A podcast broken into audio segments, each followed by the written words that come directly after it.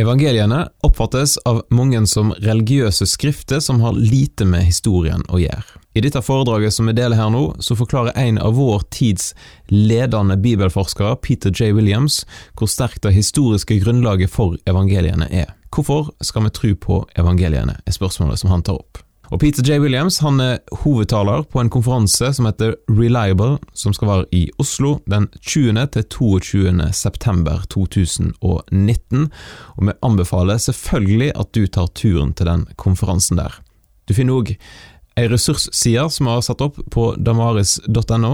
Da går du til damaris.no Williams med W. Der finner du mer informasjon om Peter J, og du finner flere videoer som du kan se med seminar og foredrag som han har hatt. Du kan også se videoen av dette foredraget, vi legger inn en lenke til det i eh, podkastbeskrivelsen. Og Foredraget er gjengitt med tillatelse fra ELF og Focal Online. Og vi anbefaler så klart at du sjekker ut YouTube-kanalen deres. What we're going to be considering in the next few minutes is the question of the reliability of the Gospels, the four Gospels Matthew, Mark, Luke, and John, which you find in the New Testament. But before we look at a question like historical reliability, one of the things we need to think about is the whole question of evidence. And here, Christianity has a very important principle uh, for how we judge evidence, and that is uh, the uh, principle of consistency. We're not claiming that we alone have that principle. A lot of the time, people want someone to prove something about Christianity to them. Often, what they mean by that is to prove as if they could prove it mathematically or philosophically. Prove to me that God exists. The problem about that is, of course, that that sort of proof only exists in maths, mathematics, and in philosophy. Uh, mathematics, of course, we know, is a game. It's uh, about uh, certain principles, uh, rules that you can put in at the beginning, and if you play according to those rules, you get a particular answer. Within formal logic in philosophy, you likewise have rules you follow those rules and you get a particular answer.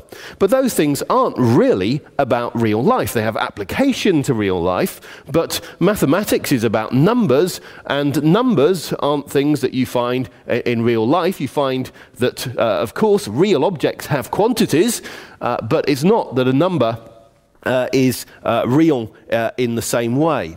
So when we uh, ask for a proof about the reliability of the Gospels, often that's an unreasonable thing to ask. So, what a Christian, I think, is, is uh, um, bound to ask is that someone is consistent when they ask for proof. That is, they don't, they're not asking for more proof when it comes to this historical matter than for any other historical matter, and they're not asking for more proof than the sort of proof that they act on in their lives.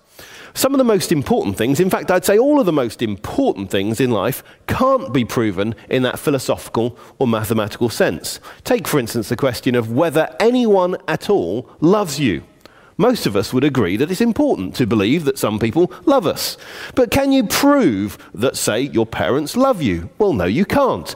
Look at all the evidence you might quote about how kind they have been to you and all the things they've done for you, but how can you prove that those actions have not been done through self interest? Those sorts of things you can't prove in a mathematical and philosophical way. Does that mean it's not reasonable to believe it? No, actually, these things are very reasonable um, uh, to believe on the basis of evidence. We have the sort of evidence we use to judge trustworthiness and reliability of people all the time. And so, what I'm asking people should do with the Gospels is consider the evidence that they show for their own trustworthiness and reliability as witnesses. And where the Christian principle of consistency comes in, and of course, Christians believe that God will judge people using and probing them as to their own consistency, uh, is uh, that whatever rule you've been using with other evidence, um, uh, that is what it would be reasonable to use with the Gospels. You shouldn't be more skeptical about the Gospels than about anything else. But before we come to think about the four Gospels themselves, I want us to think about the spread of Christianity, because I think this uh, sets a background for how we understand the reliability of the Gospels. I can go to non Christian writers and find evidence about how far and how fast Christianity spread. Take, for instance, Cornelius Tacitus, a, a Roman historian uh, who uh, was alive as a young boy around the time when there was a great fire in Rome in the year 64. And he wrote about that and how probably Nero had started the fire, and yet Nero then blamed the Christians. And Tacitus writes about how there is a vast number of uh, Christians in uh, Rome at the time, and they are suffering, they're being persecuted for their faith. He confirms that Christianity began in Judea, that Christ was the founder of the Christian name, uh, and that he suffered the, uh, under Pontius Pilate, uh, who is the person mentioned in the Gospels as the figure, the governor at the time of the um, crucifixion of Jesus. And there he is around the year 64. So let's say the crucifixion was around the year 30 or 33. That's when it's generally dated. Well, within 30 or 35 years of the beginnings of Christianity, Christianity has spread from Judea all the way uh, to um, all the way to Rome. So, to give you some analogies for that distance, if you go, for instance, from Rome all the way to the top of the Shetland Islands off the top of Britain, that would give you a similar distance. If you wanted to go from Cuba all the way up to, say, West Michigan, that would be about the same uh, distance um, uh, as you, you'd uh, find. It's, it's a long way. Christianity had spread just in a few decades that sort of distance. We could also look at how Pliny, the governor of northwest Turkey, a place called Bithynia, wrote to the emperor around the year 112, writing, saying how many Christians there were in his area. Well, there he is, 80 years after Christianity began, and he actually describes what went on in a Christian meeting and describes how these people were treating Christ as a God to be worshipped. So that's not just an idea that grew up over a very long period of time, it's attested outside the Gospels quite early on. Now, when we think about the spread of Christianity, the one thing that this does show to me is that it was not a very good context in which things could just be made up. The idea that a lot of people have in their minds is that over 30 or 50 or 100 or 200 years, fundamental things in the Christian message were made up. Um, so perhaps at first Christians hadn't believed that Jesus was raised from the dead, and then over a long period of time, that idea just got attached onto Christianity. It's one of those things that happens as people repeat stories over a long period of time. Uh, the idea of a legend, like you would have with King Arthur, you have a long period of time, and all sorts of stories can get attached to um, someone like Jesus. The problem with that is that if a very large number of people are Christians in Rome suffering for their faith within in only 30 or 35 years of the beginnings of Christianity. And that's a non Christian claim about Christianity. You can find so many Christian claims saying exactly the same thing. If Christianity spread that far and that fast, it really is a very unfavorable environment in which you can have lots of core elements of the Christian message uh, made up because it's a bit like changing a publicity campaign halfway through the publicity campaign.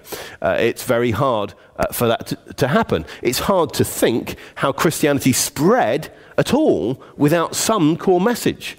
So you'd have to have whatever the original core message was obliterated by the new message. And of course, it's very difficult to have that new element coming in um, uh, once there are so many Christians. Because, of course, if Christians really are disorganized and if there isn't a central means, um, easy means of communication, then how would you impose any new development on those Christians which are in different churches right across the Mediterranean. So, logistically, I think the evidence of the spread of Christianity makes it very hard to imagine how lots of core elements of the Christian message um, uh, could have been changed in any uh, substantial way um, long after Christianity had begun to spread. We then come on to the question of four Gospels. Well, as now we know from many different media reports, there are other Gospels. So why should we favour the four Gospels? Aren't those the four Gospels that the Emperor Constantine imposed on people in the fourth century? That's the story which is commonly told. In fact, it's not at all like that. The f- other Gospels, apocryphal Gospels, Gospels like the Gospel of Philip, the Gospel of Thomas, the Gospel of Mary, and so on, in fact, are witnesses to the four Gospels. They depend on them. They use some of their wording, some of their ideas. So rather than being evidence against those four Gospels, they're in fact evidence for the four Gospels. Moreover, people say that it is power that imposed the four Gospels on people. Perhaps it was some great powerful committee, because we know that in the fourth century there was a big church council, the Council of Nicaea. Perhaps that imposed the four Gospels. Well, history says otherwise. We know what was discussed at the Council of Nicaea. There are records, and one of the things they never discussed was what should be the books in the Bible. So the idea that that council decided what the four Gospels should be doesn't work. In fact, we find a rather interesting pattern which is different, which is that the four Gospels are attested in a very wide geographical area before there is any central Christian power. Uh, in fact, when Christians are in a very weak position. If we go to the earliest copy of the four Gospels, it's incomplete, it's fragmented, it's broken off. We'd go to Dublin, and there, from around the year 225, there is a copy of the four Gospels and the book of Acts.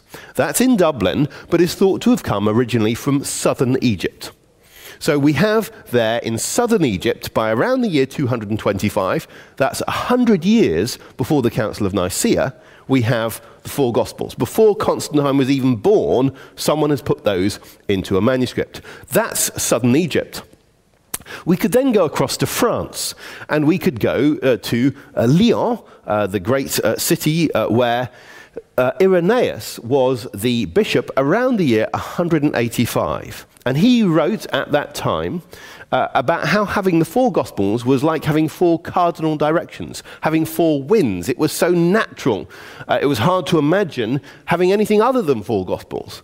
Well, Irenaeus is not someone who is far disconnected from the New Testament writers. In fact, it is said that he was a disciple of a disciple of Jesus, uh, a disciple of Polycarp, who was a disciple of John, who was a disciple of Jesus. He's not a long way disconnected. And he says having four gospels is a very natural thing, like having four winds.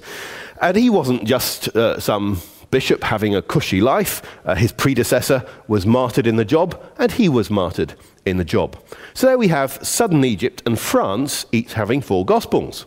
But we could go back a little bit further to the year around the year 175 when a man called Tatian, probably in Syria, made something called the Diatessaron. Diatessaron is a harmony of the four gospels, taking their, them and putting them into a chronological narrative. So they're uh, chronologically arranged. But the point is, he affirms having four Gospels. Well, just think about the geographical spread we have there southern Egypt, Syria, and France.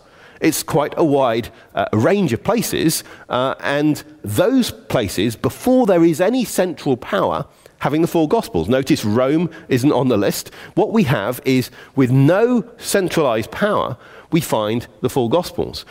So, do we explain that because some committee chose them? I would say quite the contrary. The evidence suggests that the credentials of the four Gospels were what made them set apart and made them recognized. Some people say, Who chose the four Gospels? To me, that's rather like asking, Who chose the winner at the Olympic 1500 meter race?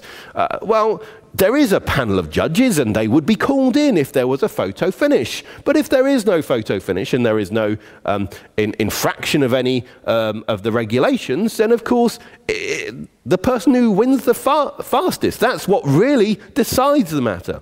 And so I would say the credentials of the four Gospels force them onto people. Now, on to the Gospels themselves. What evidence do we have within them of their reliability? One of the striking things, an issue of agreement about the Gospels, is that uh, both whether you take traditional um, discussion about the Gospels or some skeptical discussion about the Gospels nowadays, people broadly agree that three or four of those Gospels were written outside the land in which Jesus uh, ministered, outside Israel, outside Palestine. They were done uh, away from there. Traditionally, it's thought that perhaps Matthew's Gospel was written in Judea. Nowadays, people tend to think that three or four of the Gospels were written outside the land. And yet, what is so striking is that they show intimate knowledge of the land. Now, that's not a trivial thing because it's in fact very hard to get hold of that sort of information if you're writing a long way away. If you are living, let's say, in Rome and you want to find out about the geography of, the, uh, of um, Judea and so on, how will you know the villages there are in Judea or Galilee? Can you go into a bookshop and find a book on the villages of Galilee? No, you can't. People wouldn't write such an uninteresting book. If they wrote about geography, they would write about supposedly the great places of the world, and Galilee was not on the list. So, how is it that the Gospels have that sort of knowledge? They not only know the names of small villages, they know travelling distances, they know where the land goes up and down. These are the sorts of things you can just read as you go through the four Gospels. By the way, the Apocryphal Gospels have almost zero geographical knowledge, hardly any mention of towns. The main now, uh, town mentioned in the uh, apocryphal Gospels is the town Jerusalem, which is, of course, the capital, which many people would have heard of. So there's no impressive geographical knowledge there. Uh, it's quite a contrast. But it's not just that the four Gospels have for instance, the names of uh, places right, they also get other things right which would require local knowledge. They get um, discussion of the weather right.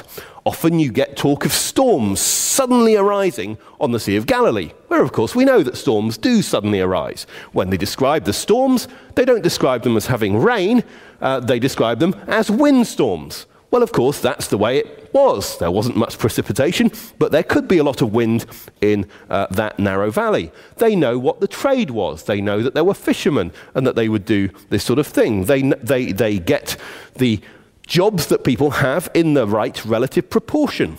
You take a story uh, which is found in Luke's Gospel uh, of a man called Zacchaeus. Supposedly, a little man, a chief tax collector living in Jericho, who climbed up a sycamore tree in order to see Jesus. You then ask about the plausibility of the story.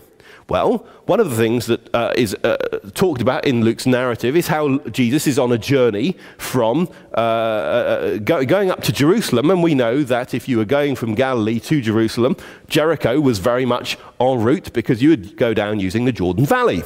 We also know that it's the sort of place that you would put a tax uh, place uh, for making sure that people who came by were taxed we then uh, look at the question of the sycamore tree. And you ask a question like, well, were there sycamore trees in Jericho? And in fact, there were. When you look at the distribution of sycamore trees in the ancient world, uh, and even today you can find sycamores in Jericho, it's that sort of thing.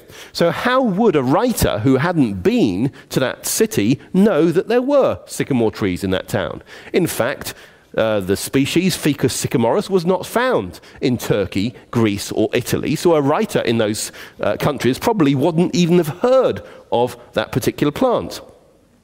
The Gospels also know about local languages and uh, the, the, dialects. They quote various words in Aramaic, particularly Mark's Gospel and John's Gospel. Um, how would someone who's well away from the land get that geographical knowledge? So these sorts of things are very surprising if the documents were written in a different place. And that sort of information can only be uh, explained if they have reliable uh, people who are handing testimony onto them. Now, someone might say, well, that only shows that the, the uh, frame of the narrative uh, has correct details. Historical fiction can do that. Why can't the Gospels be historical fiction? The problem with that is it doesn't go very well with the common idea that when the Gospels got stories wrong about Jesus, it was through exaggeration and general carelessness in transmission, the sort of processes that might go on in the creation of a legend. Because what we know is that lack of attention to detail in one area tends to spill over to lack of attention to detail in another area. So if we've got great attention to detail in terms of place names and in terms of plant names and in terms of the uh, general environment uh, uh, of a story, it's very hard to say that all the other aspects of the story got changed through some corrupting and careless process. When we look at the apocryphal Gospels, we find a wonderful uh, contrast they don't have geographical knowledge, they don't have the uh, right um, cultural uh, knowledge, they don't have uh, the uh, linguistic insight which the four Gospels have. In fact, they show what would go on if someone were making up a story.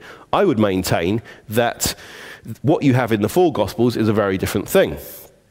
Now, someone might want to say, can't I put something like the Gospel of Thomas in my Bible alongside the four Gospels as a witness? Well, just think how the Gospel of Thomas begins. The Gospel of Thomas begins like this These are the secret sayings which the living Jesus spoke and Didymus Judas Thomas wrote down. In other words, this is secret te- uh, teaching from Jesus. If you want to know the real story about Jesus, you need to come to this gospel and this gospel alone. So you can't put it alongside other gospels because it claims to be something unique. Similarly, the Gospel of Judas begins saying these are secret sayings. What we have in the four Gospels, the four Gospels don't claim to be secret, they claim to be what Jesus taught publicly to crowds, to his 12 disciples, occasionally to just a selection of those disciples, but never just to one person. So I would say the four Gospels should be treated as public records um, about Jesus. They have a lot about them which says they should be taken very seriously. On the other hand, the apocryphal Gospels um, give evidence of the four Gospels, but also give evidence of what would happen if people made up stories, and it has nothing like the same uh, evidence in support of it. Thank you very much. Da takker jeg deg for at du lytta til podkasten til Damaris Norge, og satte du pris på dette seminaret, syns du at det var bra, ga det deg noe, ja da kan du jo enten dele det videre til noen som du kjenner, eller du kan sende en tilbakemelding til oss og si hva du syns. Og setter du pris på podkasten til Damaris, eller arbeidet som Damaris holder på med, så kan du òg vurdere om du skal bli en av våre støttespillere. Da kan du gå inn på damaris.no, så finner du mer informasjon om hvordan du går fram.